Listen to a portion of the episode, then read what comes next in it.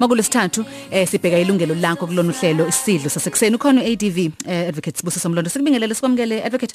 Eh ngikubingelele umsakazi ngibingelele nabalaleli. Advocate eh sike sabona la kubikwa emaphepheni eh ngokuthi ngokubaleka kwezinto ezithile kufanele ilandelwe uma kuukuthi nifuna ukuhlukanisa kodwa benikade nishade ngolomshado kuthiwa it's under customary law. Nishade ngokwesintu. Right yeah. kodwa mhlambe ake siyilande ekuqaleni into enzima kabile ukuthi ngakhulunywa ngayo uqala unyaka ukuthi qinisa ukuthi lezi zinto azikhethi ukuthi zenzeka nini zenzeka kanjani hmm. ake sibheke ukuthi masiqala nje ka asibheka i-civil union sibheke ne-customary marriage yiziphi izinto ekufanele sibheke Um okuqala ngizokwenza umehluko phakathi kokubili. Eh i-civil union eh ngizokwenza isibonelo njengo civil union umshado in community of property eh obhalisiwe wane certificate. Eh bese kuba i customary marriage okuwukuthi eh abantu umuntu walotsholwa mhm. ngokwesintu eh, ngokwesi ngomthetho wesintu eh kwa kwaba nokubizwa ngehandover ukuthi anikezwe umakoti kube ne celebration kuthokozelwe lo mshado lo oyaye ukuthi umthetho ilezo zinto ayoyibheka ukuthi lo mshado lo uyi customary marriage umshado wesintu yombili iyafana ngenxa yokuthi eh i lo owesintu nawo uthathwa ngomthetho ukuthi u in community of property. Kodwa uma ukuthi sekuyahlukanwa eh iyahlukana iyafana still. La ihlukana khona ukuthi lo owe civil union fanele aqale akuprove eze nobufakazi ukuthi lezi zinto lezi engiyibalile ukuthi walotsholwa kwabakhona icelebration kwabakhona ihandover eh kwenzeka lokho ngaphambi kokuba inkantolo imthole ukuthi okay ngempela wawushadile in community of property. Emva kwalokho ke usengaba nawo amalungelo omuntu okade eshade in community of property uma ese divorce ngokwempahla. Kuvele lokhu e, e, enkantolo eGauteng High Court eh ngolwesihlanu oludlule eh, kube khona icala eh, kuze kwaphawula umunye ummeli umeli uSixoli wase Donda Attorneys esesibe naye nayo la ehlelweni ephawula yona leyo nto ukuthi uma kuukuthi benishade ngecustomary law ngoba nje buchaze kulindelekile ukuthi makube ne civil union nizohamba ke niyofakela nama divorce nithini nithini. Kodwa ethi uma kukuthi ne customary marriage kufanele kube ukuthi awugcini nje ukuthi ngithatha impahla zami ngiyaphuma ngiyahamba. Kufanele kube khona into ethi nidivorceile ephuma enkantolo. Yindaba eh kuye kufanele ngenxa ukuthi uma kuukuthi niyahlukana kuye kube nempahla eniyanibe nayo ikakhulukazi uma ukuthi nishade eh ngokwe uma nishade ngokwesintu kusho ukuthi nishade in community of property. Mhm. eh kuye kube nempahla nezikweletu ngoba uma nishadile in community of property an anibambisani ngokwempahla kuphela nibambisana nangokwezikweletu mhm. so uma kuukuthi sidecide sobabili eh ukuthi em sanqoma ukuthi sizothenga indlu ka 2 million mhm. eh sabambisana ukuthi leyo ndlu leyo sizoyikhokhela eh uma kuukuthi kuyahlukanwa eh ngisho ngathiwa besishade ngokwesintu mhm. kuzofanele leso sikweletu leso indlu mhlawumbe isathenga unyaka wodwa yakweleta kuzofanele leso sikweletu leso sibonisana ukuthi sizosenza njani leso sikweletu sobabili eh ngalokho ke kufanele ukuthi eh ekugcineni kugcine kune divorce ngoba i divorce yaye isho ukuthi sinquma ukuthi sizokwenza kanjani ngempahla okungeyethu nezikweletu okungezethu.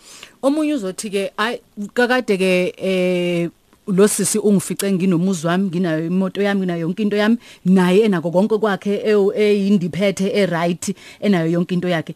Eh sase wasingavuka ekseni ngabona hayi no man senganelelo mama. Nganele impela uyena ngaphuma ngathatha emabhluku wami ngahamba. Siphi isidingo sothi siyo divorce ngoba benginokwami enokwakhe akukho esikuhlanganisile. Sisa divorcelana inkinga uma kuukuthi bowunokwakho nami nginokwami kodwa asibhalanga phansi asibanga naloko kubizwa ngeantinuptial contract. Kushuthi okwami kuzoba okwakho okwakho kuzoba okwami. Kuyadingeka ukuthi si sibe nendlela esidila ngayo nempahla uma kuukuthi siyahlukana.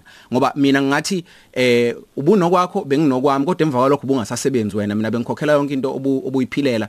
Impahla yethu iyahlangana ibe automatic makuma automatic. automatic yebo manje ke indaba ye yokuthi kube khona ubufakazi bokuthi nishadile. Umuntu oshadile enkantolo noma oye kumfundisi umfundisi wasehamba ke ubhalisa ke umshado uyaye be nesitifiketi somshado. Okuyisona ke azosihambisa ke siyodatshulwa ke mase kuqedwe yonke into. Laba be customary marriage kulethwani? Eh umehluko phakathi kwabo babili eh kwe customary marriage nomshado kamfundisi onesitifiketi o in community of property isitifiketi kuphela. Lo owe customary marriage ukuthi kuphela yena kuzofanele kube khona izindlela azilandelayo ngaphambi kokuba eh a- a- a- a- um- umshado wabo udeclare ukuthi u in community of property. Kusho ukuthi kuzofanele aqale akuprove eqala a- a- abeke ubufakazi phambi kwenkantolo ukuthi bengishadile ngishade in community of property. Nan- nansi incwadi eyayithi bayeza beza bazoletha amalobolo. Na usuku naba abantu abangangifakazela ukuthi usuku lwalukhona la eh okwa okwaba khona injabulo sijabulela umshado wethu. Nalo usuku lapho o- o- eh, um- o- eh, u- u- umakoti ahendwa over khona wanikezwa abakwamkhwenyana. Ngale ngalokho ngiyakuprova enkantolo ngiya- ngiyaqinisekisa enkantolo ukuthi sasishadile eh, in community of property. Inkantolo ke bese iyathola ukuthi ngempela ngiyavuma nami ngiyavumelana nawe ukuthi nanishadile noma ingavumelani nawe ukuthi nanishadile in community of property. Uma ivumelana nawe then kuzosho ukuthi ink- inkantolo i- u- ngokomthetho automatically sen ni- ni- ni- ni- ni- impahla kusho ukuthi kufanele niyidabule ngokulingana. Eh i- u- imphumela yokuthi eh ningayilandeli indaba ye divorce asithi nje ng- ngivele ngiphume manje ngi- ngikushiya ukuvuka ekseni sengihambile mina ngiyemsebenzini mawuthi habe yebe unongceba uthathe yonke into yakhe wahamba ngihambe ngithi ungaphinda uthini thini thini ngihambe 5 6 7 years. Sisashadile? Eh ngenxa yokuthi umthetho ubuka umshado wesintu njengomshado in community of property eh a- iparty o- o- omunye wethu unalo ilungelo lokubuya kusasa ngoba abantu bayahlukana baphinde bebuyelane. Bahlukana unyaka u5 baphinde bebuyelane. Yikho ku- ku- umshado wesitifiketi kuyaye kube ukuthi ngisho ninga ningangahlala ndawonye iminyaka u5 ngeke akwazi ukushada lo munye eh, eh, isitifiketi singadatshulwanga nalona ke ngenxa ukuthi nawo umshado in community of property ke kufanele ukuthi ukwenze kube formal enkantolo uma kuukuthi uyazi ukuthi ku- ku- ku- ku- ku- kunama facts amaqiniso ashoyo ukuthi nanishadile ukuthi nawe enkantolo ukuthi wazi ukuthi usafe eh ukuthi inkantolo isho ukuthi yebo usho wena sasishadile in community of property and inkantolo uma ivumelana nawe kube ukuthi ke siyadatshula i- i- inkantolo ya divorce ngokusemthethweni sengingaqhubeka ngiyohlala nomunye umuntu. Uma kuukuthi kunezikweletu nempahla okufanele sikuhlukanise sivumelana ukuthi sizokuhlukanisa kanjani. Uma kuukuthi asikwazi ukuhlukanisa ngendlela inkantolo isingakuhlukanisa